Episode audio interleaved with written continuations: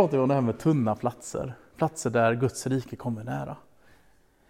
Och jag tror att många människor har det. Inte bara de som är eh, religiösa eller kristna. Ni kanske har den där platsen, bryggan vid den där stugan som ni uppskattar i skogen. Som ni gillar att sitta vid. Eller kanske den där lilla kobben ute på havet där ni på något sätt möter stillheten. Eller kanske den där platsen där ni träffade den som ni sen kanske delar livet med. Platser som har blivit heliga för er, viktiga platser. Och eh, jag har ett par sådana platser. Och de platserna råkar vara kyrkor för det mesta. En sån är den kyrka som heter Å stiftsgård. Jag vet att många här har varit där. Där jag kom till tro egentligen som konfirmand. Där jag som växte upp i ett kristet hem plötsligt upptäckte att oj, det här är på riktigt. Jag blev mött av Guds närvaro. En märklig känsla, en stark känsla. Och det gör att det är speciellt att komma tillbaka till Å. Även om det går både 10, 20 och kanske ja, inte riktigt 30 år än sen jag kom till tro. Eller det lilla kapellet som en del av er konfirmander också snart kommer få se i Italien, i Farfa, hos Birgittanunnorna. Det lilla kapellet där till och med Johannes Paulus II har hållit mässa. Och det är en väldigt speciell känsla att få stå där och få fira nattvard. Så det här med platser som är heliga och viktiga. En sån plats som jag var på för ungefär tio år sedan, det var Jerusalem. Och ibland tänker man att Jerusalem och Gamla stan är jättestort, men det är inte så stort. Det är inte så långt mellan de här jätteviktiga platserna, som gravkyrkan, den kyrka som är byggd på den plats där Jesus blev begravd. Eller Klippmoskén, den plats som är så viktig för, för muslimer. Och det som man kallar västra muren eller klagomuren, det som är kvar av templet. Där judar och många andra kommer och som är en otroligt viktig plats. Och ni vet nu när vi hör på nyheterna om en president som börjar skicka missiler mot Iran och vi kanske kan ha ett krig på gång. Och det här är också en plats som är otroligt laddad. Där både muslimer och judar ser det som en helig plats, och vi kristna också. Och vad, vad, var då det här templet? Varför är det här så himla, himla viktigt för judar? Så viktigt att man till och med idag finns en stark rörelse att man vill bygga upp ett nytt tempel. Ett riktigt tredje tempel eller ett fjärde tempel, beroende på hur man räknar. Det första templet var ju egentligen som en fortsättning på, ni vet vad när man fick budorden. När Mose fick Guds lag, ni vet tio Guds bud. Eh, och, och man lade dem på stentavlor. Och ni som har sett Indiana Jones vet ju hur han lyckas hitta de här. Och de hade man i tabernaklet först. Och eh, så byggde man det första templet. Och det är det som vi hörde om i texten. Där kung Salomo, han som var så vis ni vet, han eh, undrade hur, hur kan Gud rymmas i ett hus? När inte ens himlarnas himmel rymmer dig. Men de gör ett försök. Och när de inviger templet, ungefär 960, alltså 1000 år före Kristus ungefär, så inviger man det här templet. Och då står det att, att Guds härlighet kom så starkt till templet så att, de, att prästerna kunde inte stå kvar och göra tjänst där längre. Så en otroligt stark närvaro som kom då. Och sen följde århundraden där Israels folk som hade då på något sätt Guds, lyckats fånga en bit av Guds närvaro, Guds helighet mitt på vår jord. Men Israels folk var inte alltid ett heligt folk. Man eh, gjorde ont mot de fattiga, mot invandrarna. Man eh, började följa andra gudar. Man lämnade det som Gud, den väg som Gud hade stakat ut för dem. Och det var till och med så att man använde templet som en lyckoamulett. Att så länge vi har templet, alltså Guds närvaro, ja men då kan ingenting hända oss. Men till slut, efter många varningar från de här profeterna som Gud sände, så kommer babylonierna. Och man plundrar och man förstör templet och det är här arken försvinner, ni som intresserad av sådana mysterier. Och än idag vet ingen vart den har tagit vägen. Och, och judarna hamnar i Babylon. Och det är där man, man kan inte bygga ett nytt tempel där, för det, templet skulle vara i Jerusalem. Så då så börjar man bygga synagogor istället, som fortfarande judarna har.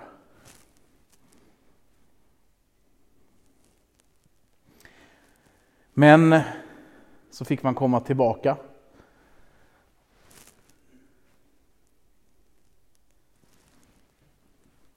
Och eh, under Kyros den andra så fick man komma tillbaka och så byggde man ett nytt tempel, Zerubabels tempel.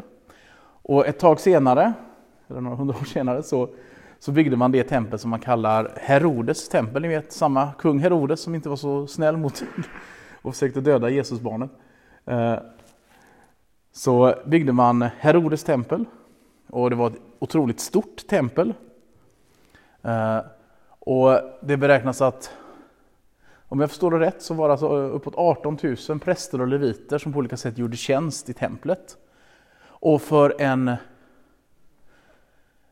en jude på Jesu tid så skulle man komma till templet en gång per år för att offra.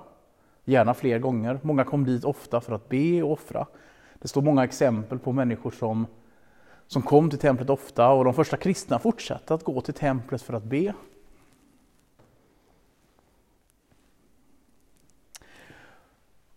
Och man tänkte sig fortfarande att Guds härlighet, Guds helighet, Guds närvaro fanns där i templet. Och det är väldigt svårt att förstå det. Man tänker sig att den Gud som innan har mött människor, vad har hänt? Jo, människor har fallit ner och trott att de ska dö inför Guds närvaro. Så var det i Gamla Testamentet.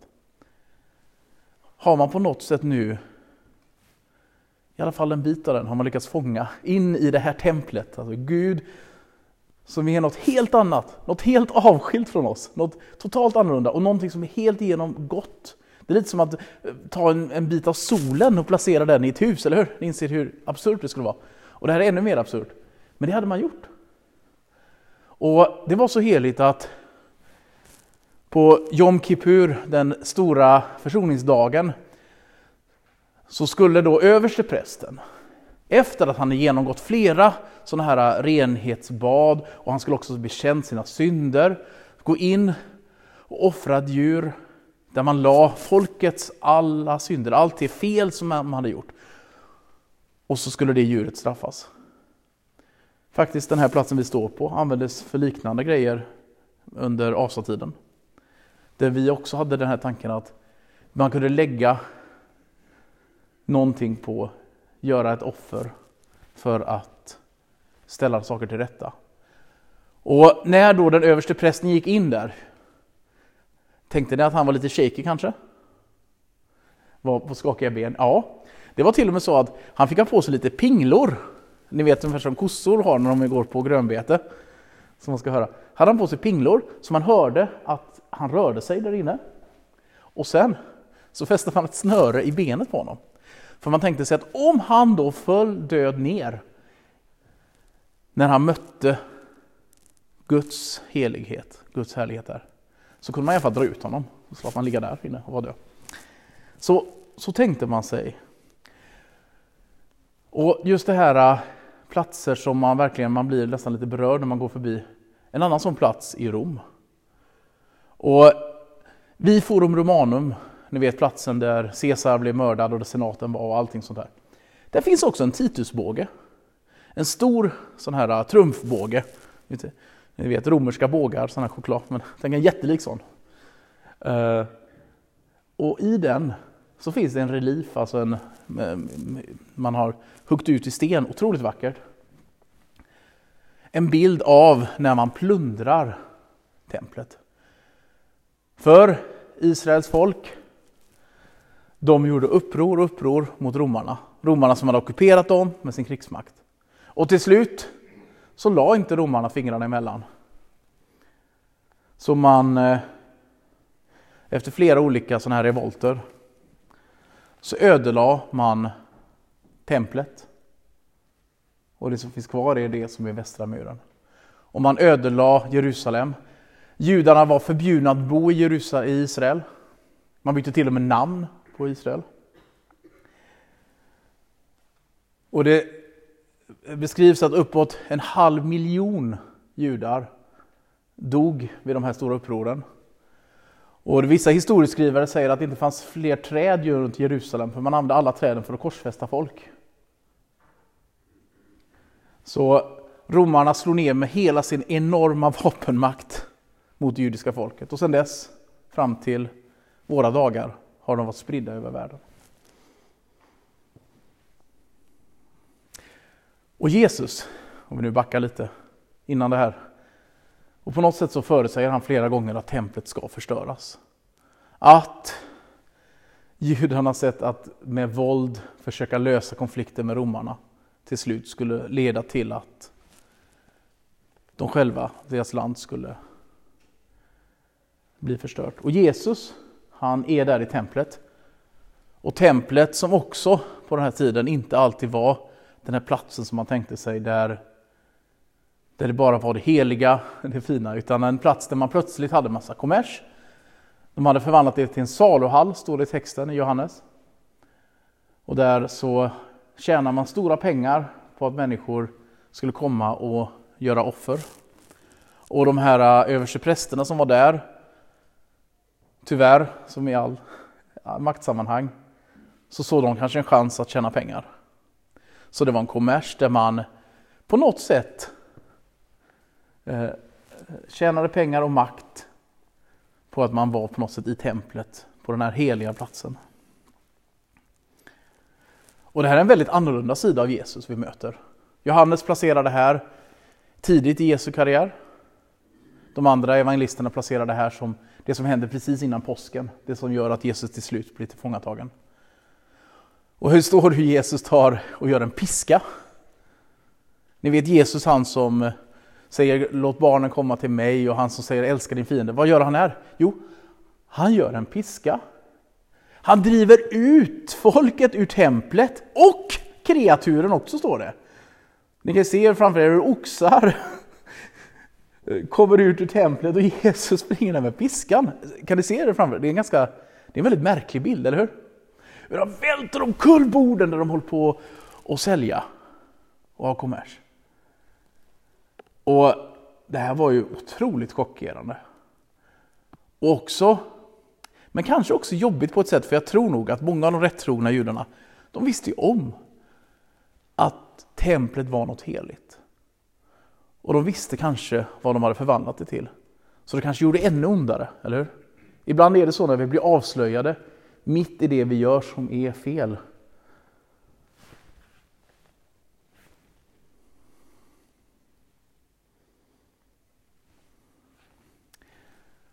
Och så frågar de Jesus vad han håller på med. Så säger han att han ska, ska riva templet och bygga upp det igen. Låta det återuppstå på tredje dagen. Och då blir de ännu argare kan man tänka sig. Att han säger att han ska riva det här templet. Men som oftast så talar Jesus lite i gåtor. Det står ju här i texten att lärjungarna förstod det inte då antagligen. De förstod det först när Jesus hade dött och uppstått. Att han talade om sig själv som Guds tempel.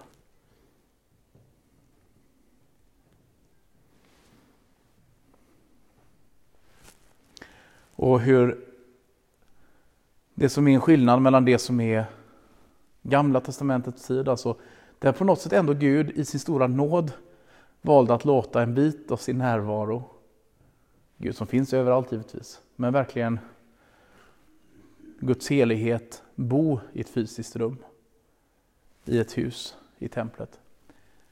Nu väljer Gud att lägga ner sin närvaro, sig själv, i det här lilla barnet, ni vet som vi har firat nu när vi firar jul. Som blir människa, som föds mitt in i vår värld. Och Jesus beskriver sig själv som Guds tempel. Och det tempel som på grund av att vi har missbrukat templet, alltså våra liv, det som är heligt, det som är fint, vår värld, allt det där som vi har förstört. På samma sätt som man hade gjort Guds tempel till någonting som inte var heligt längre, så gör vi kanske våra liv, kärleken, sanningen till någonting annat. Men Gud ställer det här till rätta genom att han låter att Jesus bära allt mörker i sin kropp. Och när han precis som templet förstörs, när han dör,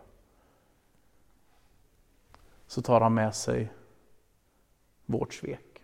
Men Jesus uppstår ju.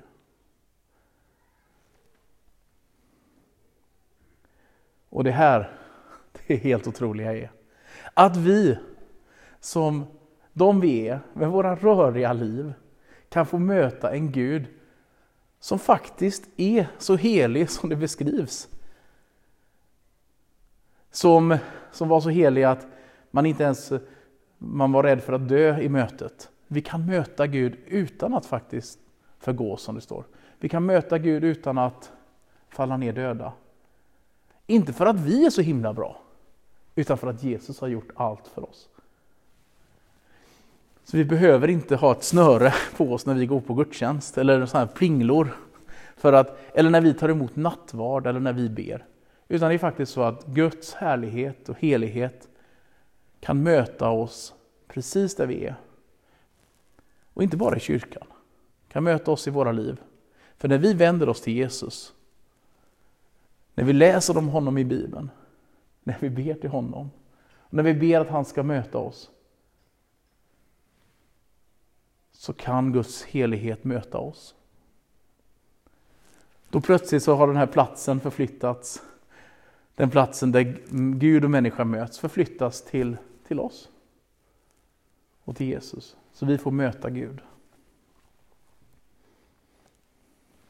Och Paulus beskriver det att vi får ha att vi inte behöver leva i fruktan, att vi inte är slavar utan att vi har fått söner och döttrars rätt att faktiskt kalla Gud Abba, fader, alltså pappa. Märker ni vad så stort det som har hänt i Jesus? Från en Gud som var så fjärran till en Gud som kommer och möter oss. Och som på grund av det Jesus gjorde på korset har gjort att vi får vara Guds barn. Så när vi kommer till Gud så är Gud helig. Gud är den som har skapat universum. Gud är den som en dag kommer döma vår värld. Men han ser också på oss med kärleksfulla ögon. Och vi får kalla honom som man kallar en kär förälder.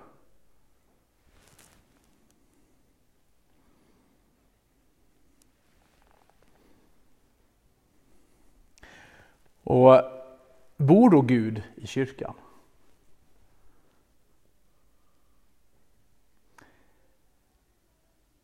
Först tänker jag nej, Gud bor inte i vår kyrka.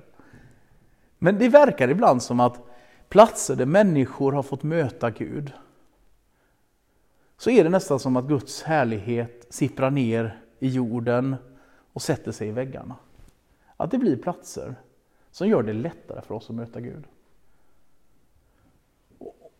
För kyrkan är ju inte byggnaden framförallt, utan kyrkan är alla kristna som följer Jesus. Det är ju kyrkan. Men ibland är det som att de här byggnaderna, eller sångerna, musiken, texterna, det som vi håller på med liturgi, ni vet när jag sjunger konfirmander, eh, och när ni också sjunger, är saker som kanske hjälper oss att möta Gud.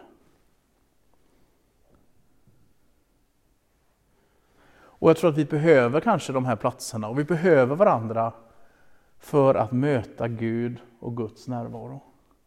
Och en konkret möjlighet som vi har om en stund, det är att få möta Gud i nattvarden. För det märkliga är att även om vi tror att det bara är ett vanligt bröd och vin, så tror vi också att Gud är där med sin närvaro. Och allt det Gud har gjort genom Jesus på korset, det sammanfaller vid nattvardsbordet.